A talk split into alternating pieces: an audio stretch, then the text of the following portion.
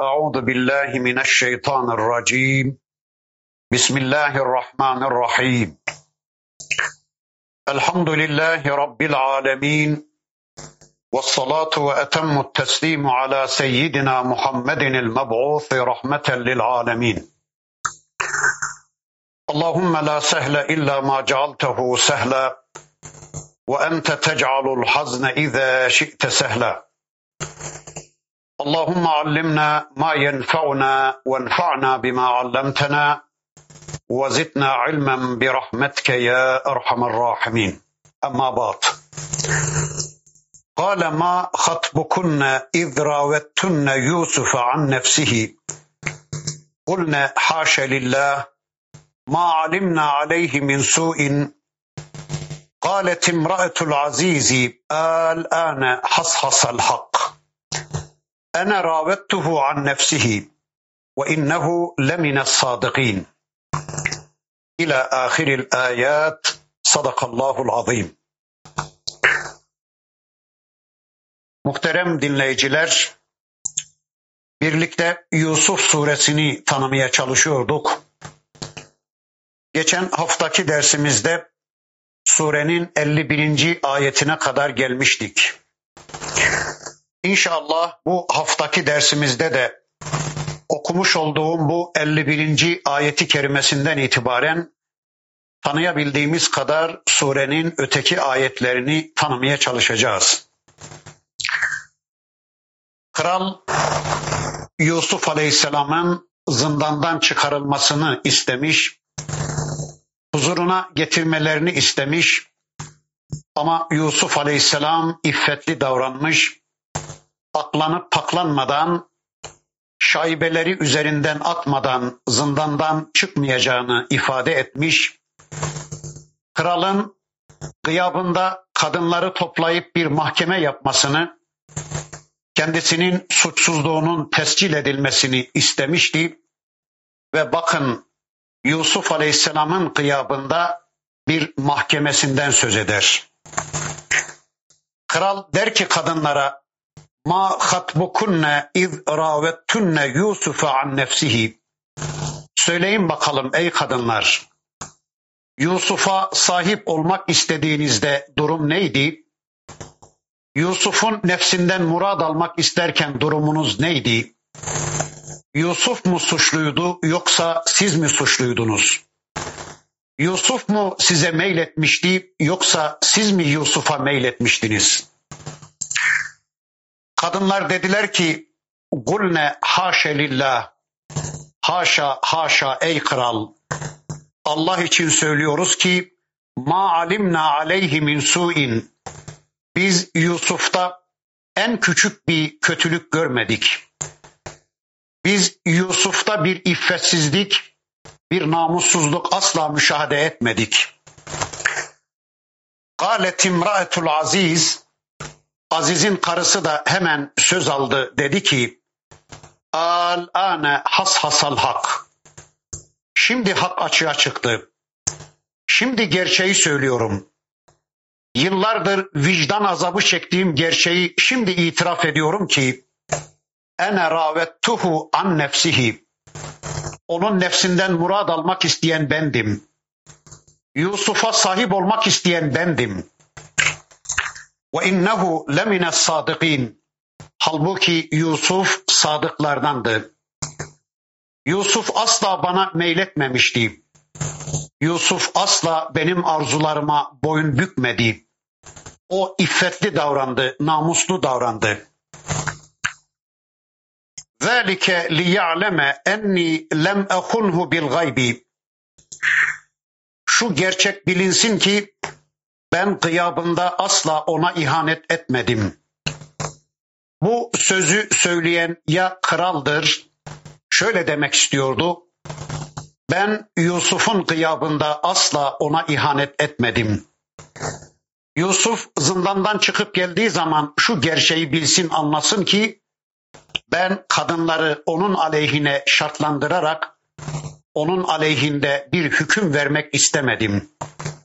Gıyabında bir mahkeme yaptım ama ben gıyabında Yusuf'a asla ihanet etmedim, hain davranmadım. Çünkü ve ennallâhe la yehdi keydel hainin. Ben kesin biliyorum ki Allah hainlerin tuzaklarını asla başarıya ulaştırmaz.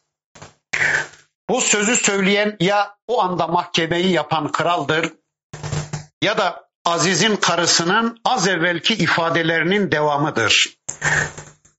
Liya'leme enni lem ehunhu bil gaybi.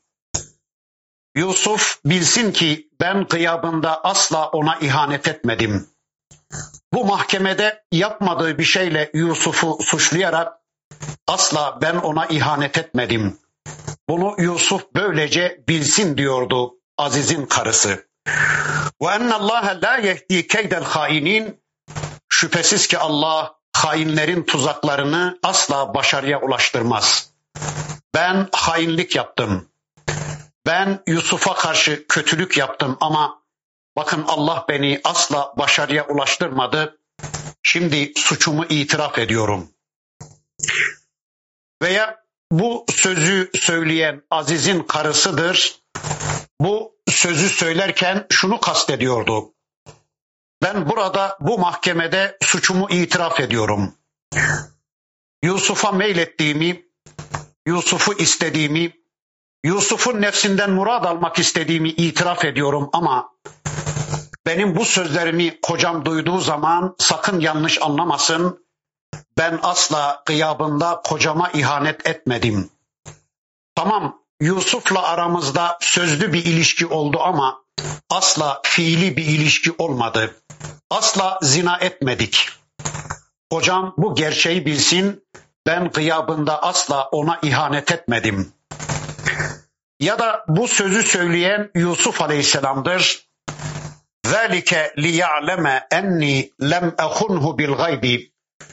Böylece Aziz bilsin ki ben gıyabında asla ona ihanet etmedim. Aziz şu gerçeği anlasın ki ben onun yokluğunda onun karısına asla göz koymadım. Ben böyle bir şeyi aklımın ucundan bile geçirmedim. Çünkü ve ennallâhe la yehdi keydel hainin şüphesiz ki Allah hainlerin tuzaklarını asla başarıya ulaştırmaz. Ve ma uberri'u nefsi ben nefsimi asla temize çıkaramam. Ben nefsimi asla teskiye edemem. İnnen nefse le emmâratun bis-su. Çünkü nefis kötülüğü emreder. Nefis insana sürekli kötülüğü empoze eder.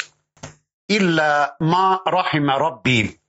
Ancak Rabbimin koruması müstesna, Rabbimin korudukları müstesna. İnne rabbi gafurun rahim. Şüphesiz ki benim Rabbim çok bağışlayan, çok merhamet edendir. Bakın bu sözleri söyleyen bir peygamberdir.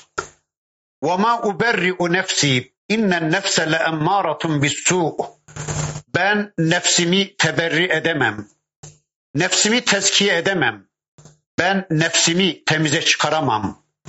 Çünkü Rabbimin koruması müstesna, Rabbimin korudukları müstesna her nefis kötülüğü emreder, her nefis kötülükten yanadır. Nefis insanın bizzat kendisidir ve işte insanın karakteristik özelliği böyledir. Bakın bir peygamber diyor ki ben nefsimi temize çıkaramam. Ben nefsimi teskiye edemem. Çünkü nefis emmare makamındadır. Rabbimin korudukları müstesna nefis kötülüğü emredendir, empoze edendir. O zaman buradan Allah'ın bir peygamberinin nefsinin de emmare makamında olabileceğini anlıyoruz ki bu şu bazı kitaplardaki nefis makamlarının nefis kategorilerinin tamamının boş olduklarını kitabı tanımadan, Kur'an'ı tanımadan söylenmiş şeyler olduklarını ortaya koyuyor. Hani insanların nefislerini kategorik olarak bir kısım sınıflara ayırıyorlardı ya. İşte filanların nefsi emmare makamındadır. Filanlarınki levvame makamında, filanlarınki mülhime, radiye, mardiye, mutmainne makamındadır filan diyorlardı ya. Böyle bir nefis kategorisinden söz ediyorlardı ya. Bakın bir peygamberin nefsi nefsi emmare makamında olabiliyor. Yani her nefsin özelliğidir bu. Öyleyse nefsin yani insanın iki özelliği vardır. Hem kötülüğü emretme özelliği hem de iyiliği emretme özelliği. Bakın Şems suresi bu konuyu şöyle anlatıyordu. Ve nefsin ve ma sevvaha fe elhemaha fucuraha ve takvaha قد أفلح من زكاها وقد خاب من دساها Nefse ve onu şekillendirene, onu tesviye edene, sonra da ona iyilik ve kötülük kabiliyeti verene, ona fıskı fucurunu ve takvasını ilham edene yemin olsun ki kendini arıtan, nefsini arıtan kurtulup saadete ermiştir. Kendini fenalıklara gömen kimse de ziyana uğramıştır. Evet bakın Rabbimizin bu ayetinin beyanıyla da anlıyoruz ki nefis insandır. Allah'tan gelen ruhla topraktan yaratılan bedenin bileşkesine nefis yani insan denir. Allah insanı yaratmış ve onu düzenleyip şekillendirmiştir. Ona en güzel şekli vermiştir. Sonra da feelhemaha fucuraha ve takvaha fıskı fucurunu ve takvasını ona elheme yapmıştır. Yani ilham etmiş, empoze etmiş, zihinlerine yerleştirmiş, fıtratlarına koymuş, fıtratlarını bunun bilinciyle yoğurmuştur. Buradan anlıyoruz ki insanda iyiliğin de kötülüğün de dürtüsü bilinci vardır. Bu insanın fıtratına, insanın mayasına yerleştirilmiştir. Yani ona takvanın yolunu da, isyanın yolunu da göstermiştir Allah. Hidayet yolunu da, dalalet yollarını da gösterip bildirmiştir. Bunun her ikisini de tanıyıp ayırt edebilecek ölçüyü de vermiştir Allah insana. İşte zaten insanın mükemmelliği de buradan gelmektedir. Rabbimiz insana iyiliği, kötülüğü, hakkı, batılı, hayrı, şerri, adaleti, dalaleti, takvayı, fucuru birbirinden ayırt edebilecek akıl bağışlamıştır. Evet, demek ki her nefis her insan hem kötülüğe hem de iyiliğe meyyaldir. Peygamber de bir beşer olduğuna göre, peygamber de bir nefis olduğuna göre onun da bu özelliği vardır. O da sürekli bu özelliğinden dolayı sürekli Allah'a sığınmak, Allah'tan korunma yardımı istemek zorundadır. Bakın şu diğer kitaplarda anlatılan sadece mutmainne nefisle alakalı mutmainne makamla alakalı şunları söyleyeyim. Bu dünyada bir insanın mutmainne makamında olması mümkün değildir. Hiçbir insan bu dünyada kendisini kesin cennetlik göremez. Hani Hazreti Ömer Efendimiz'e izafe edilen bir söz vardı. Deseler ki bütün insanlar cehenneme gidecek, bir tek insan cennete, acaba o ben miyim diye ümide kapılırım. Deseler ki bütün insanlar cennete, bir tek insan cehenneme gidecek, acaba o ben miyim diye titrer ürperirim. Peki kim diyordu bunu? Bu dünyada cennetle müjdelenmiş olan aşere-i mübeşşereden birisi olan Hazreti Ömer Efendimiz. Neden böyle diyordu? Çünkü o anda Müslüman olsa bile yarın nasıl bir çizgi takip edeceğini yani ruhunu Allah'a nasıl teslim edeceğini bilmiyordu, bilemiyordu. Öyleyse hiç kimse bu dünyada mutmainne makamında olamaz. Hiç kimse kendisinin kesin cennetlik olduğunu iddia edemez. Peki ne zaman mutmainne makamında olabilir insan? Ne zaman kesin cennetlik olduğuna inanabilir? Bakın Rabbimiz Fecr suresinde onu bize şöyle anlatıyordu. Ya eyyetühen nefsül mutmeinne irci'i ila rabbiki radiyeten mardiyeh fedhuli fi ibadi ve dhuli cenneti. Ey mutmeinne nefis, ey itminana kavuşmuş kişi, ey doyuma ulaşmış kişi, haydi dön Rabbına. O senden razı, sen de ondan razı olarak dön Rabbına. Fedhuli fi ibadi. Gir kullarımın arasına. Ve cenneti. Gir cennetime. Peki bunu ne zaman söyleyecek Allah? Öbür tarafta hesap kitap bitip de cennete girme zamanı gelince. İşte o zaman insan mutmainne makamında olabilir. İşte Allah'ın bu müjdesini duyduğu anda insan kesin cennetlik olduğuna inanabilir. Değilse bu dünyada hiç kimsenin mutmainne makamında olması, kesin cennetlik olduğundan emin olması mümkün değildir Allahu alem. وقال الملك ائتوني به استخلصه لنفسي. Hükümdar onu bana getirin. Yusuf'u derhal zindandan çıkarıp bana getirin, onu yanıma alayım dedi. Estahlishu li nefsi. Onu bana getirin ki onu kendim için seçeyim. Onu kendi yerime koyayım. Getirin de onu kendime taksis edeyim. Onu kendi yerime bırakacağım. İşlerimi ona tevdi edeceğim. Benim işlerimi bundan böyle o yönetecek ülkemin meliki, ülkemin hükümdarı o olacak. Ülkenin yönetimi ona devredilecek dedi. Evet dedi ki kral iş açığa çıktı. Durum vuzuha kavuştu. Meğer Yusuf suçsuz yere yıllarca zindanda kalarak büyük bir haksızlığın kurbanı olmuş. Yazık olmuş. Getirin onu kendi yerime, kendi makamıma oturtayım.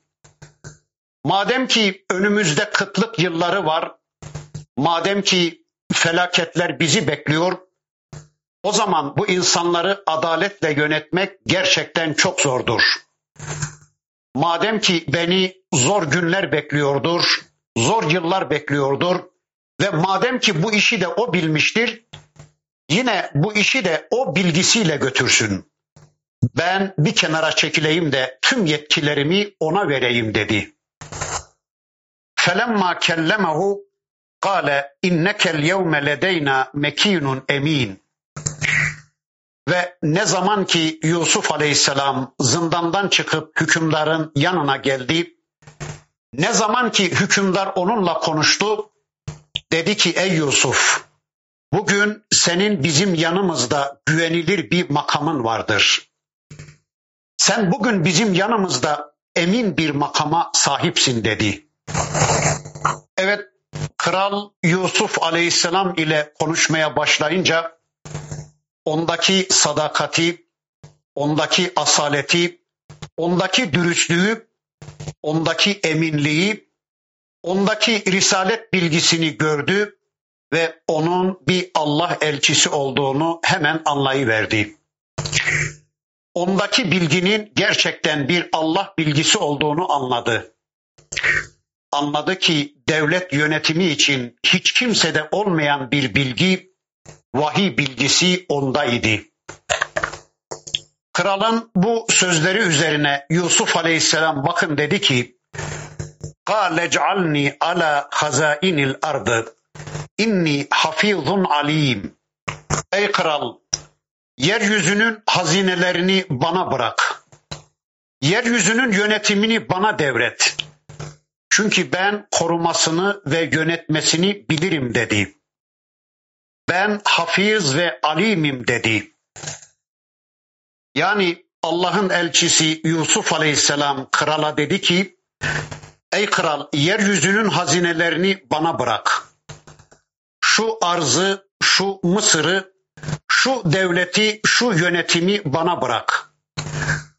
Muhakkak ki ben çok iyi bir muhafızım.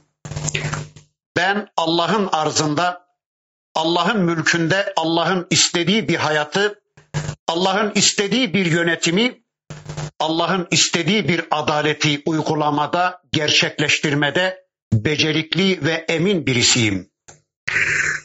ben Rabbimin bana verdiği vahiy bilgisiyle bu işin üstesinden en güzel bir şekilde gelmeyi becerebilirim. Artık ey kral sen bu ülkenin yönetimini bana bırak. Bırak ki şu size haber verdiğim kıtlık senelerinde de ondan önceki bolluk senelerinde de vahiy ile ülkeyi yöneteyim, insanları koruyayım, insanlara adaleti, özgürlüğü göstereyim. Ben bu idareciliği bilirim dedi. Rivayetler gösteriyor ki o hükümdar iyi bir Müslüman olup yönetimini, tacını, tahtını tümüyle Yusuf Aleyhisselam'a devretti. Çünkü baktılar gördüler ki Allah bilgisine sahip olan, geçmişiyle dürüstlüğünü, bilginliğini ortaya koymuş olan Yusuf Aleyhisselam'dan başka bu işe layık başka birisi yoktu. Ülke kaynaklarını onun kadar güzel koruyacak, onun kadar adil davranacak, onun kadar namuslu davranacak başka birileri yoktu. Zaten bir adam kral da olsa, melik de olsa Müslüman olduktan sonra peygamberin arkasında yerini almak zorundaydı. Çünkü peygamber muktedabih olandı.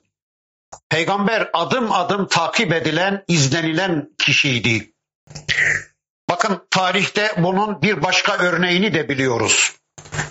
Habeş kralı Necaşi o da bir kraldı. Müslüman olduktan sonra Peygamber aleyhisselama bir mektup yazmış. Ey Allah'ın Resulü eğer istiyorsan tacımı tahtımı bırakıp senin hizmetine geleyim demişti. Allah'ın Resulü hayır olduğun yerde kal diye izin verdiği için Habeş kralı Necaşi krallığında kalabilmişti.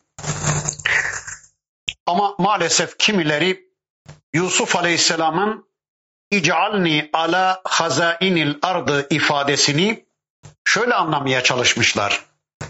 Sanki Allah'ın elçisi Yusuf Aleyhisselam'ın hükümdardan bir hazine müsteşarlığı veya bir maliye bakanlığını istediğini iddia etmeye çalışmışlar. Sanki bir peygamberi bir küfür sisteminin yedek parçası, dolgu maddesi yapmaya çalışanlar olmuş. Kendi durumlarına delil çıkarmaya çalışanlar böyle anlamışlar. Halbuki bir peygamberin böyle bir göreve talip olması asla düşünülemez. Yani ey melik sen küfrüne devam et. Sen küfür yasalarını uygulamaya devam et. Bana da hazine müsteşarlığını ya da maliye bakanlığını ver. Ben hafiz ve alimim. Ben güvenilir birisiyim. Çalmayı çırpmayı bilmem. Ben bilen birisiyim. Ekonomiyi çok iyi bilen birisiyim. Senin hazineni ağzına barabar altınla doldurayım. Sen de yoluna devam et diyecek bir peygamber bir küfür devletinin dolgu maddesi olacak. Bir peygamber için böyle bir şeyi düşünmek asla mümkün değildir. Halbuki ileride gelecek 72. ayette kendisine melik diyecek Rabbimiz.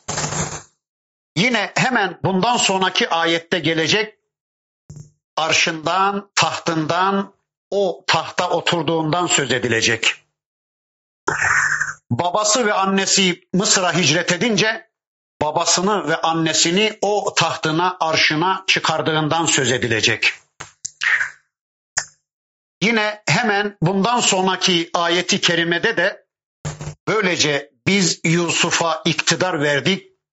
Artık ülkenin her tarafında dilediği gibi tasarruf hakkına sahip kıldık buyuracak Rabbimiz. Değilse bir peygamberin nefesini gücünü, kuvvetini, Allah bilgisini bir kafir devletin güçlenmesine harcaması kesinlikle düşünülemez. Çünkü Yusuf Aleyhisselam surenin önceki ayetlerinde geçti. Hapisteyken inil hukmu illa lillah dememiş miydi? Hakimiyet sadece Allah'ın dememiş miydi? Yani böyle hapisteyken farklı, çıkınca farklı davranan birisi peygamber olabilir miydi? Hayır, hayır. Bu bir peygambere yapılabilecek en büyük bir iftiradır. Bakın Bundan sonraki ayeti kerimesinde o hususu perçinlemek için Rabbimiz şöyle diyor. وَكَذَٰلِكَ مَكَّنَّا لِيُوسُفَ فِي الْأَرْضِ يَتَبَوَّأُ مِنْهَا حَيْثُ يَشَاءُ نُصِيبُ بِرَحْمَتِنَا مَنْ نَشَاءُ وَلَا نُضِيعُ أَجْرَ الْمُحْسِنِينَ İşte böylece Yusuf'u o memlekete sağlam bir biçimde yerleştirdik. Yusuf'u yeryüzünde sağlam bir biçimde yerleştirdik. İstediği yerde oturabiliyor, istediği yere gidebiliyor, istediğine istediği biçimde hükmedebiliyordu.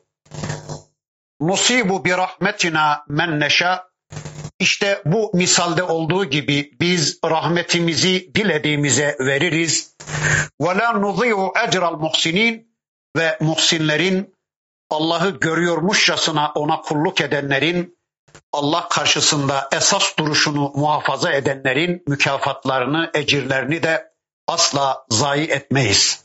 Evet işte böylece biz Yusuf'u yeryüzünde yerleştirdik, ona hakimiyet verdik.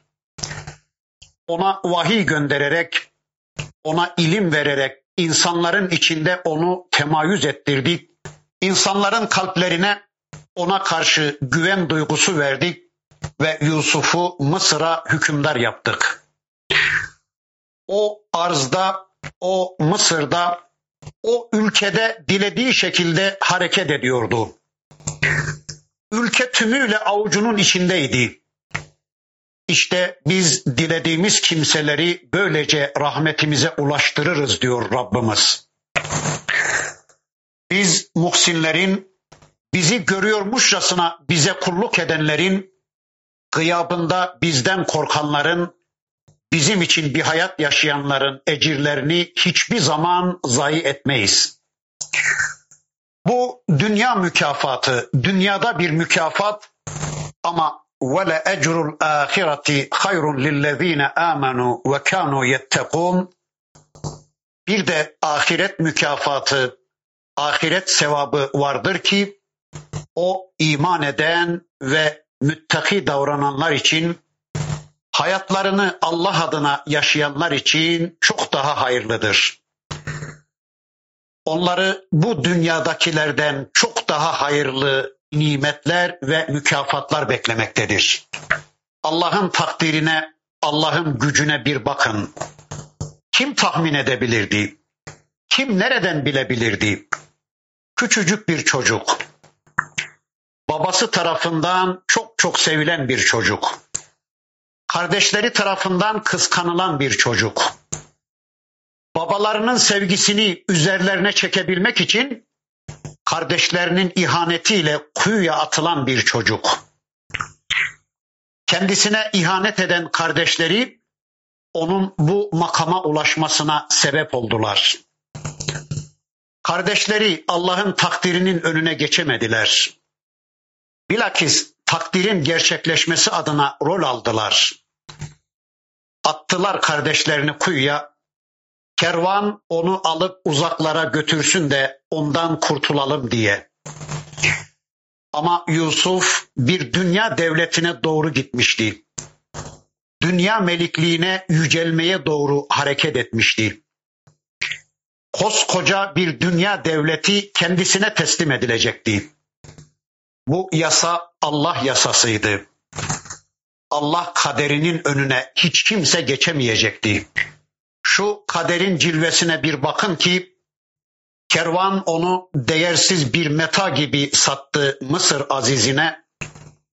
Aziz de bilemedi onun ileride bir melik peygamber olacağını. Orada da kardeş ihanetine benzer bir ihanetle bir kadın tuzağıyla karşı karşıya geldi. Kardeşlerin ihaneti ondan kurtulmaktı ama kadının ihaneti ise ona sahip olmak şeklindeydi. Belki en zor imtihanı buydu. Ama Allah korudu Yusuf'u. Sarayın tüm kadınları bu yüzden başarılı olamadılar. Bu imtihandan başarıyla, yüz akıyla çıktı ama bu sefer de kendisini zindanda buldu suçsuzdu. Kabahati yoktu. Ama egemenler girmezlerdi zindana. Köleler girerlerdi oraya. Kendi kadınlarına sahip olamayan, kendi kadınlarına söz geçiremeyen egemenler onu atmalıydılar zindana. Zindanda bir de arkadaş ihanetine uğradı. Yıllarca unutuverdi arkadaşı onu. Aziz karısının suçlu Yusuf Aleyhisselam'ın masum olduğunu bildiği halde onu suçlayıp zindana atıyordu. Çünkü Aziz devleti, düzeni, statikoyu temsil ediyordu. Yusufsa hakkı temsil ediyordu. Düzeni değiştirmeyi, değişmeyi temsil ediyordu. Onun için zindana gidecekti o. Zindandan yayılmaya başlayacaktı nur. Bu ışık da saraya kadar uzanacaktı. Devletin bozuk düzen işleyişi açığa çıkacaktı. Zindan ve saray birbirine zıt ve birbirine içten açılan devletin iki ucu. Bedeni esir oldu Yusuf Aleyhisselam'ın belki zindanda ama asla ruhu esir olmadı. Ruhu hep hürdü orada. Bundan sonra kralın rüyasını yorumlarken Yusuf Aleyhisselam'ın dediği gibi kıtlık yılları gelecek. Kıtlık tüm dünyayı kasıp kavuracak ve Yakup'un oğulları, Yusuf'un kardeşleri Yusuf Aleyhisselam'a muhtaç olacaklar. Ama biz burada kalıyoruz. İnşallah surenin bundan sonraki ayetlerini tanımak için tekrar bir araya gelmek üzere Allah'a emanet olun. سبحانك اللهم وبحمدك أشهد أن لا إله إلا أنت أستغفرك وأتوب إليك والحمد لله رب العالمين.